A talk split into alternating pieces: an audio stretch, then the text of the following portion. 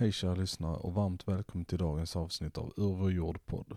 I dagens avsnitt gästar vi Håkan Rasmusson på hans gård Värpinge grön utanför Lund. Vi får höra om hur det är att driva ett mikrojordbruk, hur man odlar människor och varför framtidens jordbruk är decentraliserat och småskaligt och inte storbruk med monokulturer.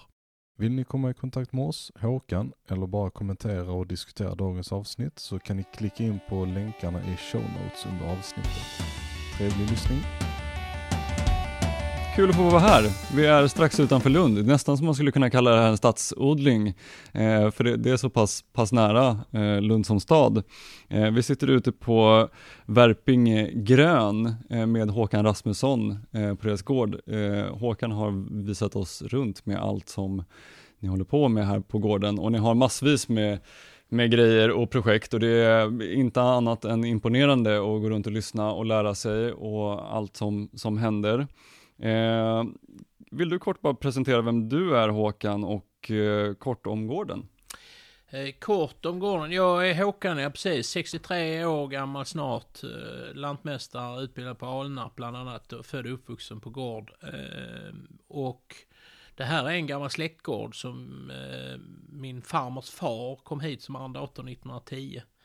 Så, eh, och den ligger, ju, den ligger ju där den ligger, men, eh, och den låg ju på landet förr, men nu har staden växt eh, närmare, så att det är inte jag som har flyttat mig närmare staden, utan det är staden som har kommit närmare. Så vi är ju Lunds, i västra kanten, Lunds närmsta gård får man nog säga. Som vi driver ekologiskt, här är ungefär 60 hektar, varav 30 hektar odlar vi ekologiskt med många kultursorter Eh, ett och ett halvt hektar grönsaker ekologiskt, också gärna gamla kultursorter. Eh, med en stor variation. Så det är ingen specialodling.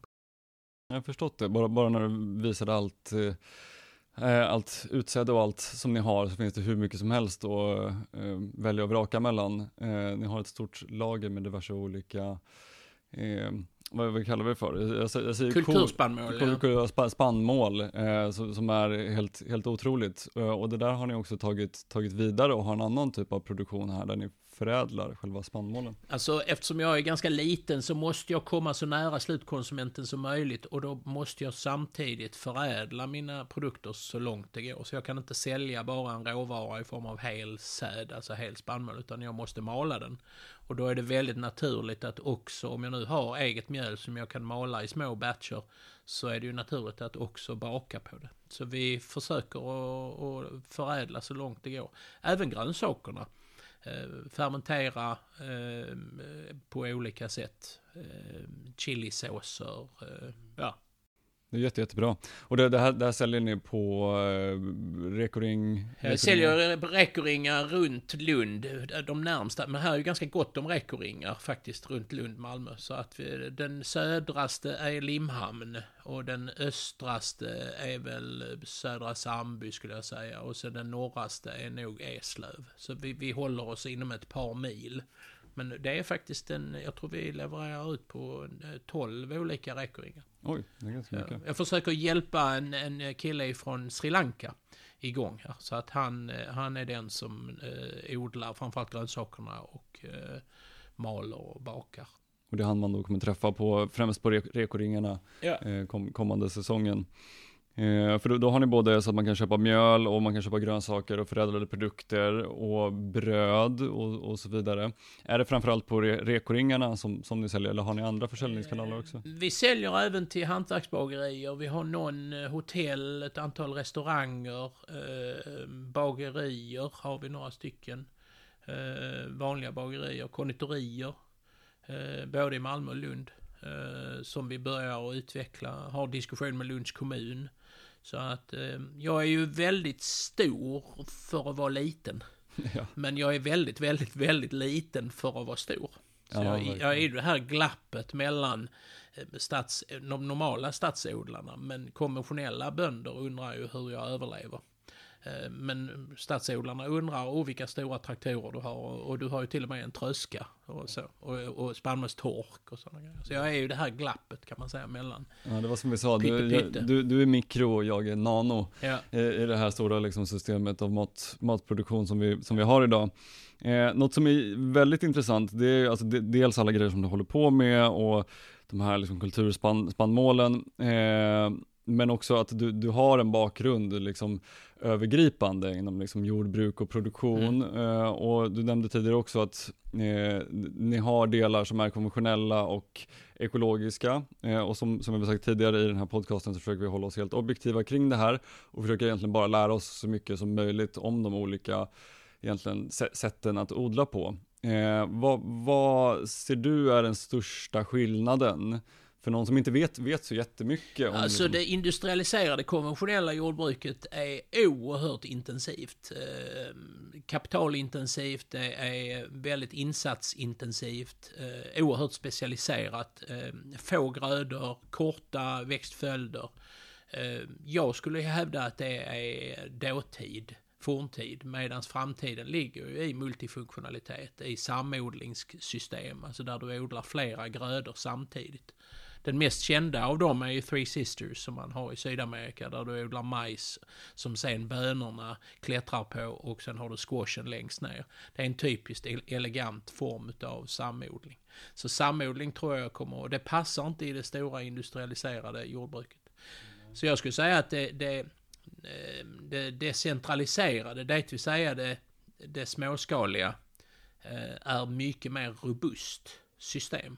Tittar jag på, som jag sa, 2018 när vi hade den stora torkan så fick vi väldigt stora skördesänkningar på den konventionella odlingen medan skördesänkningarna på den ekologiska med gamla kultursorter var måttlig. Det var, så jag skulle säga att det, det, det, det småskaliga systemet är betydligt mer robust medan det stora industriella är otroligt känsligt. Gud vad intressant. Då, finns det positiva. Rent, rent med input output, eller input framförallt, med diverse olika medel och sånt. Vad, vad är de stora skillnaderna? Vad, har du någon teori eller har du hört någonting om vad, hur det kan påverka maten vi äter? Jag vet att det, det finns mycket prat om glyfosat och jag har hört en del i USA till exempel att ja, men då går du vidare på maten och så får du i dig det. Jag vet inte helt och hållet ifall det stämmer och jag vet inte hur mycket det påverkar vår, vår mänskliga kropp och jag vet inte, faktiskt inte riktigt exakt alla de här olika växtskyddsmedlen eh, som du pratade om tidigare då, eh, hur de påverkar oss. Tror du att det finns någon påverkan i det stora hela? För Alltså problemet är ju att vi inte vet därför att det är en kemisk cocktail som de stora bolagen eh, är ju inte jätteintresserade av att utvärdera det ner i minsta detalj.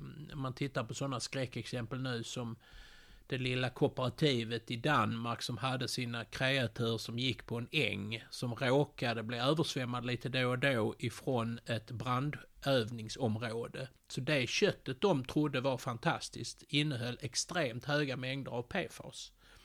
Så det kommer alltså nyheter som, som vi inte trodde. Och nu plötsligt börjar PFAS till exempel då vara eh, uppe på EUs eh, förbudslista där man, man eh, finns förslag om att förbjuda det. Så jag skulle säga att jag skulle bli väldigt förvånad om inte det dyker upp sådana lite då och då i det här kemisamhället. Så att en återgång till att arbeta med naturen och med naturliga, eh, vad ska man säga, kretslopp. Eh, det är nog ofrånkomligt. Jag tror, jag tror att det är en lång, lång återvändsgränd som vi har gått in i kemijordbruket. Och bonden tjänar ju inte mer. Det är alltid de som säljer produkterna till bonden och köper produkterna från bonden. Det är, där, det är de som hela tiden är de stora vinnarna. Du kan titta på ICA-handeln, du kan titta på varför har vi de högsta livsmedelspriserna i världen? Är det så? Uh, oh, Visste faktiskt inte ens om. Kolla det. Eh, Just den här eh, livsmedelshandeln. Han har ju skrivit en fantastisk bok, Gunnar Rundgren, som heter Den, den stora ätstörningen. Han skrev den egentligen på engelska först tror jag. Som det heter, The Global Eating Disorder. Som handlar just om matproduktionssystemen men också distributionssystemet. Gud vad intressant. Vad, hur hur kommer det sig att det är så många som är kvar i det konventionella systemet i så fall? För, för att precis som du då nämnde 2018 då, ifall det är en extrem torka så klarar sig då det ekologiska systemet bättre än det konventionella. Vi, vi blir mer resilient eh, i, i de typerna av systemen. Och, och inputsen, alltså kostnaderna för jordbrukarna, är ändå höga för en konventionell. Hur, hur kommer det sig att det är så många som är kvar? Eller är det en trend att folk Det är svårt att lämna. Om du kommer upp och odlar 500 hektar så kan du inte åka till en Reko-ring och sälja 10 paket mjöl. Det har du inte tid med. Så att svårigheten är hela tiden att har du gått in i den här strukturrationaliseringen och, och blivit den här rationell, effektiv jordbrukaren så är du ganska fast i det systemet. Det är svårt att, det är svårt att ändra på det. Det är svårt att hoppa av det ekorrhjulet. Och sen är det väl också en övergångs, övergångsfas mellan att vara en konven- konventionell odlare till att gå över och bli en Ja, ekologisk det är odlare. rent regelmässigt. Det är ju nog den enkla delen. Jag skulle säga att snarare är det produktionssystemet. Eh, De stora lantbruken har traktorer på 200-300 hästkrafter som är GPS-styrda. Med maskiner som är 10 meter breda. eh, Tröskor som kostar 5 miljoner. Men skulle man inte kunna göra om ett sånt system bara att det då skulle bli ekologiskt? Vi, vi, vi, vi, Jo, det vi, vi hoppar Det över finns själva ju- cer- certifieringen, certifieringsbiten ekologiskt, Nej, men, men det liksom finns det här där, organiska. ja, men det finns där, det finns kreativa lantbrukare som, som inser att det kanske till och med är mer lönsamt att vara ekologisk odlare. Men fortfarande är kvar i den ganska storskaliga driften. Och det finns, men då är de ju kvar i det jag brukar kalla för råvaruträsket. De är, eh, de är råvaruleverantörer och en råvaruleverantör är fullständigt utbytbar. Det är vem som helst. Plötsligt så hittar eh, köparen ett parti vete från, ekologiskt vete från Argentina som är lite billigare. Och, och du kan inte, alltså skillnaden är är fullständigt utbytbar. Mm. Intressant. Ja, för det, för det är ju så också, man, man tänker sig liksom konventionellt ekologiskt, att det ena är jättestort och det andra är eh, mycket, mycket mindre. Men så behöver det inte Nej, så behöver det inte så vara. behöver det inte Det vara. finns, liksom. nej, vi ser ju ekologiska odlare idag som är i, i, jag brukar kalla det industrijordbruk därför att det är väldigt specialiserat. Eh, för det går ju inte att vara eh, multifunktionell om du är väldigt stor, därför det blir för komplext. Och du kan inte hålla på med den här nära kontakten direkt till slutkonsument om du är för stor. Utan då måste du ha, du måste kunna leverera 700 ton vete Eh, vid, vid olika tillfällen. Hela, hela ditt lagersystem med silorna, maskinerna, infrastrukturen på gården också. Som, som konsument, vad känner du, förut, förutom att stöd, stödja den här bättre produktionen som, som är hållbarare i många sätt, varför skulle man som konsument eh, välja en då ekologisk produkt över en konventionell produkt? Fin, finns det några sådana saker som du tänker? Ja, det finns, eh, det finns faktiskt åt, eh, i reglerna för krav så är det åtta 858 olika regler. Så det handlar ju inte, ekologisk mat handlar ju inte bara om att den är obesprutad och att man inte använder eh, konstgödsel. Utan det är ju så många andra eh, dimensioner i det kan man säga. Och sen är det ju en trovärdighetsfråga. En ekologisk, eh, en ekologisk gård är tredjepartscertifierad. Det är någon som har kommit ut och kollat. Jag hade faktiskt en certi certifiering här där hon tjejen hon kom och sa ja men du, du ska ju använda svanen märkt diskmedel. Och här står det en flaska med Yes. Oj. Oj, det är den Oj. nivån. Eh, Så hon, och så sa jag, nej men då får jag byta nu. Ja, du tar ett foto på kvittot och du tar ett foto på flaskan och lägger kvittot bredvid och så skickar du till mig så stryker jag den avvikelsen. Oj, gud. Det är den nivån på det hela. Och det, det tar ju tid och det är mäckigt och det är besvärligt men det är också en trovärdighetsfråga vilket innebär att jag, du, du vet. Om du handlar av någon som säger att deras grejer är obesprutade och att de odlar ekologiskt så, vet du inte det. Därför det är ingen som har kollat men du, du kan ju lita på den personen men du vet inte. Och där har du väl anledningen till att jag tycker att man ska handla ekologiskt. Och börja med då och hitta någon, eh, odlar din favoritbonde inte ekologiskt, säg till honom att, eller henne att, att de ska göra det. Och säga att jag kommer fortsätta handla av dig, men jag vill att du ska vara, eh, odla ekologiskt. Det tycker jag också. Jag, jag, jag är själv inte ekologiskt certifierad i, i mitt, mitt bruk alls. Eh, och det, det, det är för den stora processen. Det, det finns mycket sådana små saker som jag då tänker att, ja, men, som du tog där med att det, du hade något som var yes och sen så är det något annat. Sådana små saker tycker jag blir för mycket i min produktion, men däremot så försöker jag ha en helt öppen transparens och bjuder gärna ut folk. Sen kan det ju liksom vara svårt där också att kontrollera ifall det då är ekologiskt eller inte. Men, men där hoppas jag att jag kan bygga en trovärdighet och en relation med mina kunder som då bygger på transparens. Att de ska kunna lita på mig.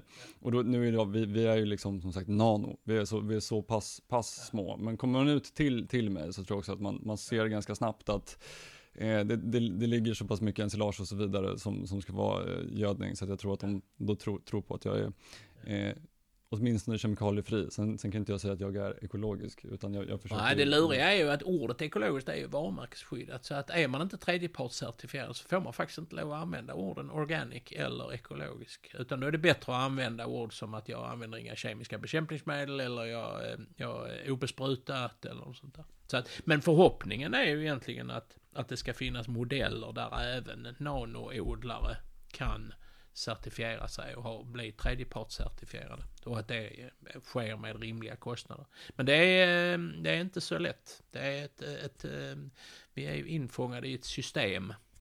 Det är ju det, det är ett system som är byggt för stor, stora lantbrukare och sen så kommer det in små, små lantbrukare som nummer ett ska starta igång och lära sig och hela, hela den biten. Eh, men sen också infinna sig till det stora systemet som inte alls är samma likadant. Liksom. Där är ju fördelen med Rekoring kan jag känna. Därför att där etableras det ju en relation mellan kunden och odlaren och det är otroligt lokalt.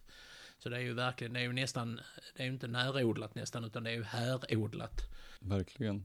Verkligen, och där, där blir det ju, köper, köper du någonting på ICA eller liksom en, en grossist så, du, du kommer ju aldrig liksom kunna ha någon form av bakgrundsfakta på hur det är odlat. Så, så där tycker jag, jag själv är inte då ekologiskt certifierad, men jag tycker att det är jättebra att det finns de här certifieringarna.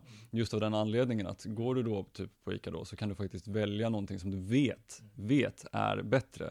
Kanske inte på alla plan, för där liksom finns dis diskussionen om näringsvärde och allt vad det är för någonting. Men i det stora hela så är det liksom, då vet du att du köper en bättre produkt. Och det är någon som har gått och kontrollerat och kollat att den här produkten faktiskt Det var någon klimatgubbe som fick frågan, hur ska jag som konsument handla? Ja, sa han, eh, nummer ett, köp svenskt.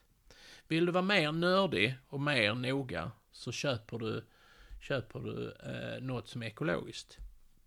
Vill du vara riktigt nördig så handlar du av en, en ekologisk bonde i närheten där du bor.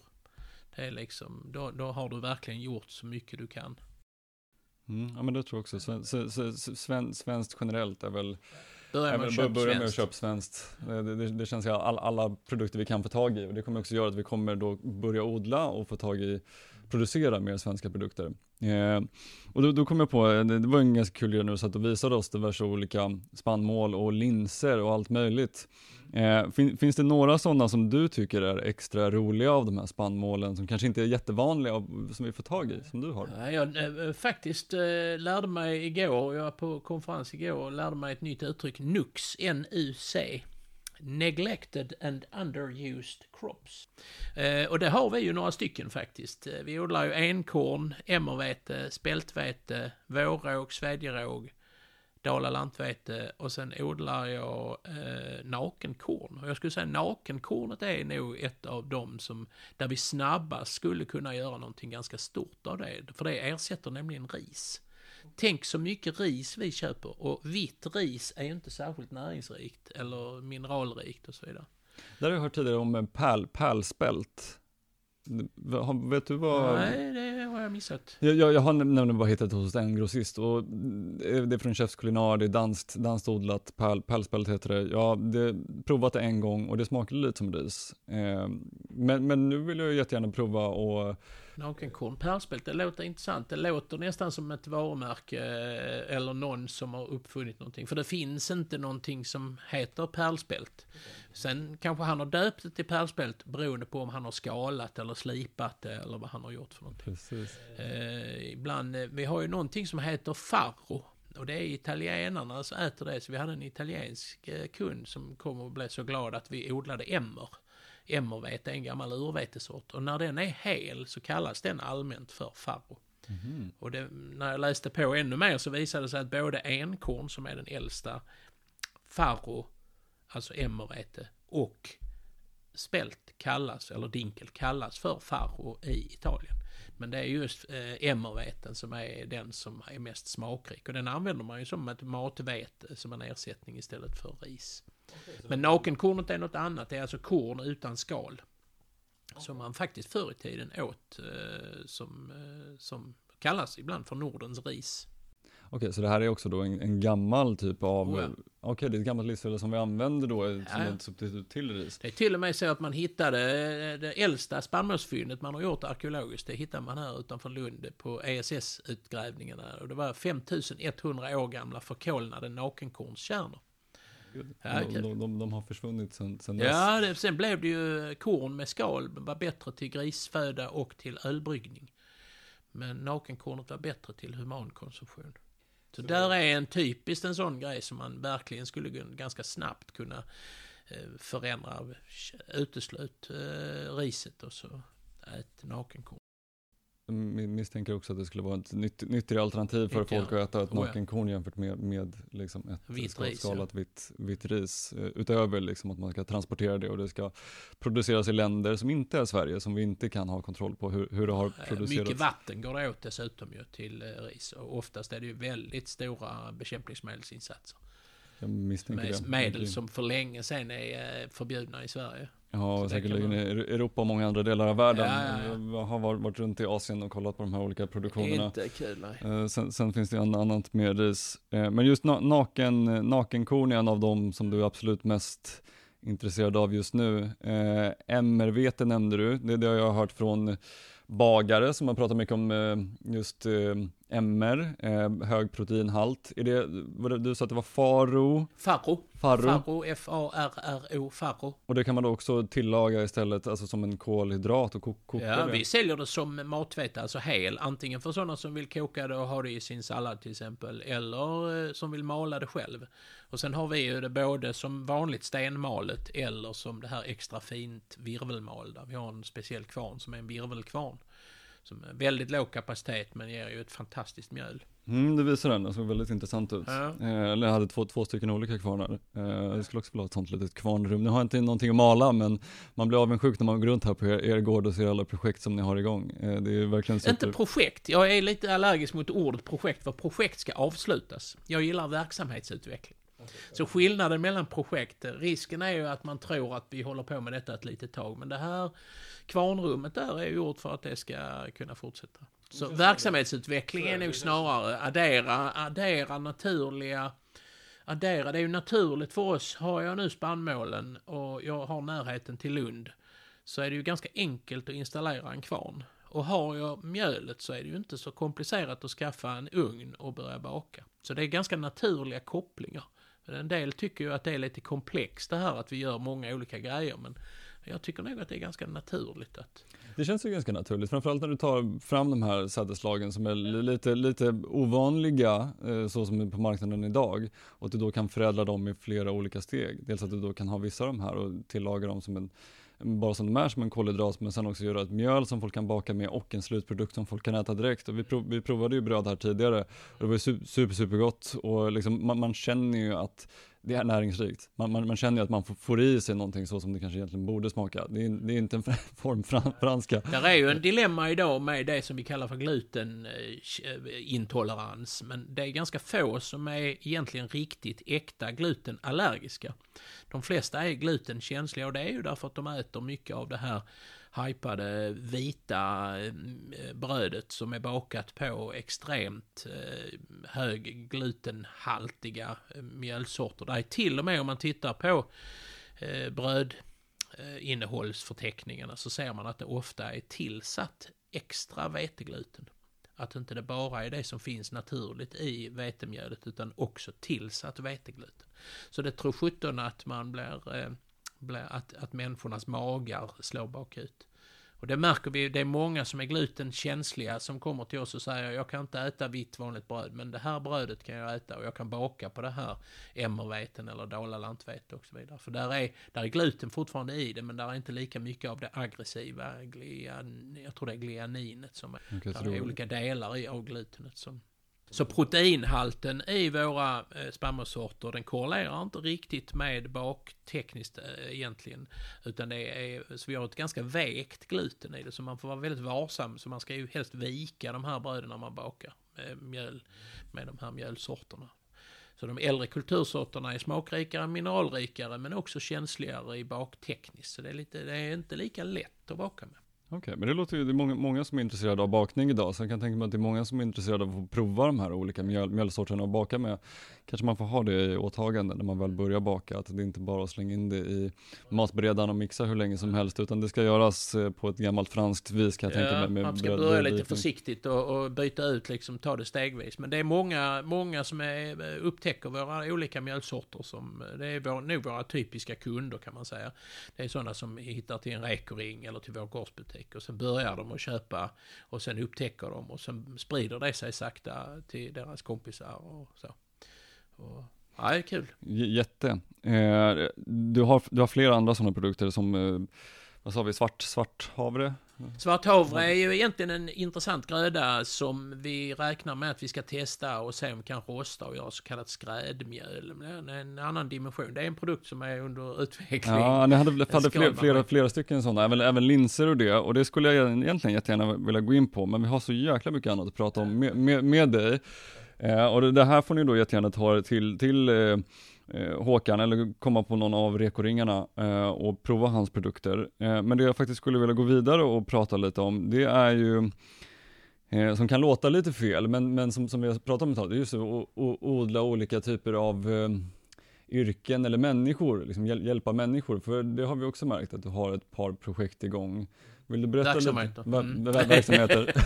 Verksam, verksamheter igång. Vill du berätta lite kort, Ja, det kort om är det? egentligen det här att säga hur kan jag som en åldrande svensk bonde som har en ganska väl fungerande infrastruktur med en hyfsat bra marknad i närheten, kan jag bidra till att hjälpa nya bönder?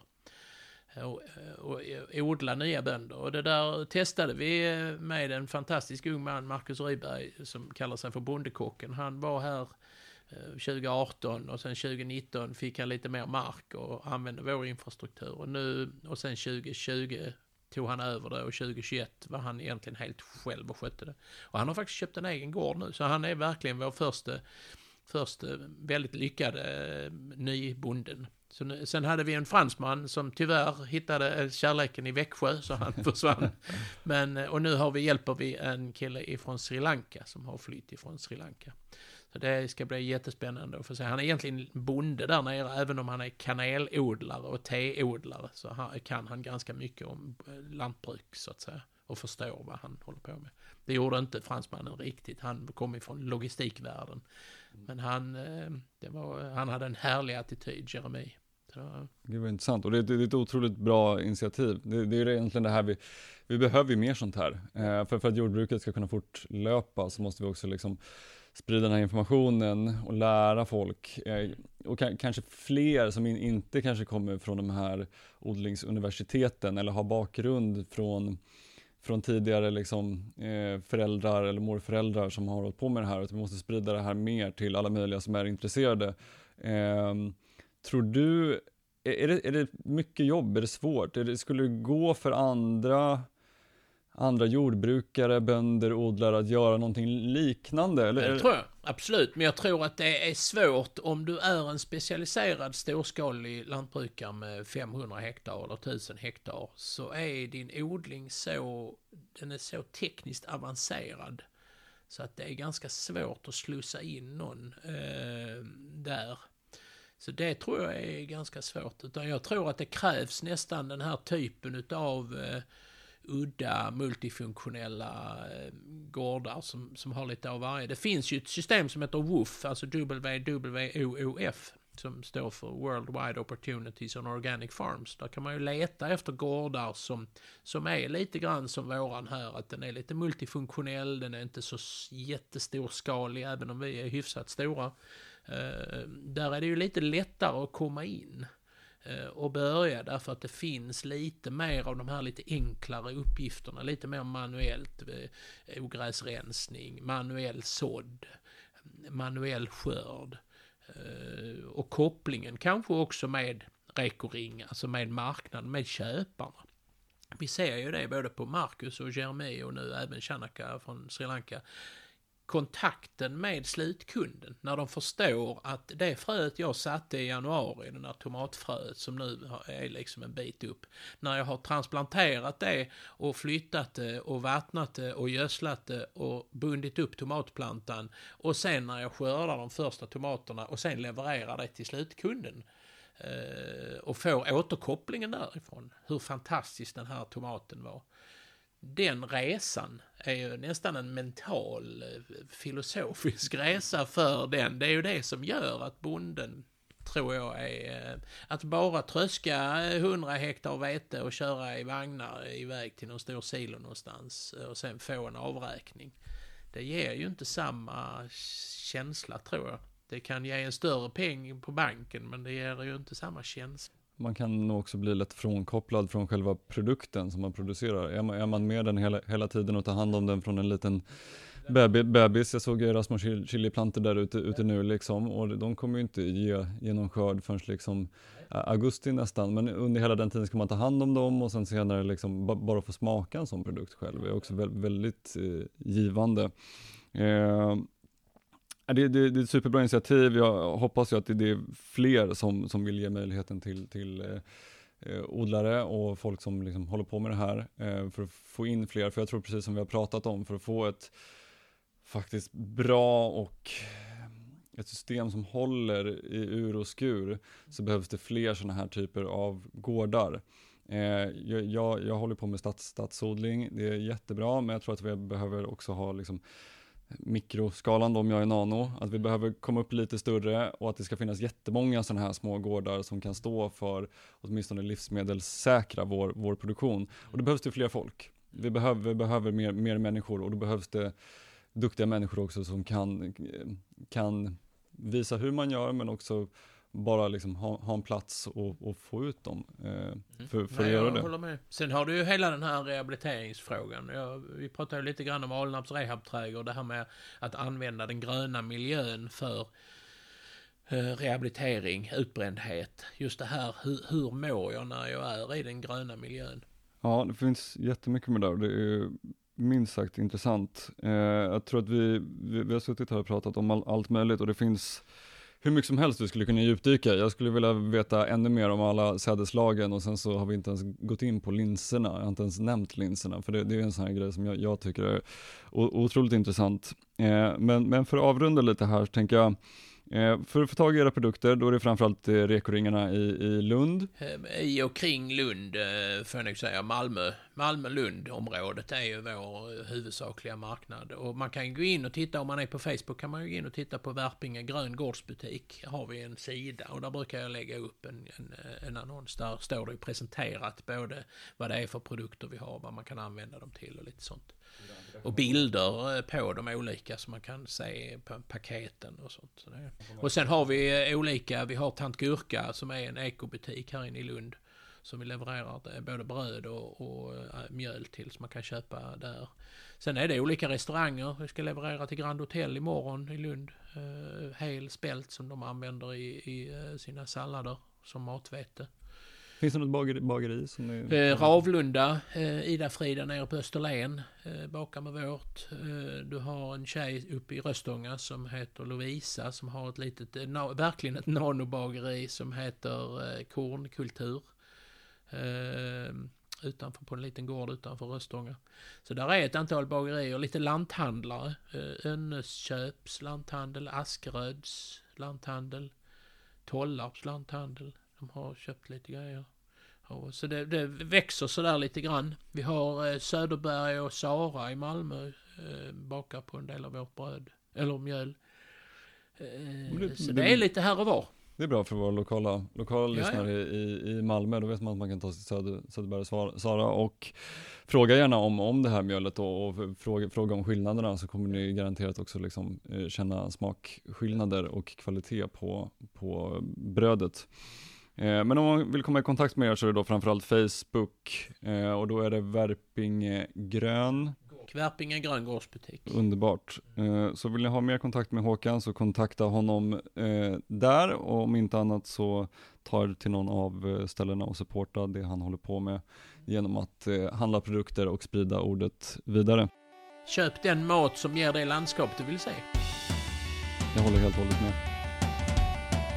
Ett stort tack till Håkan som ställde upp och gav oss lite av hans tid och ett stort tack till dig som lyssnade.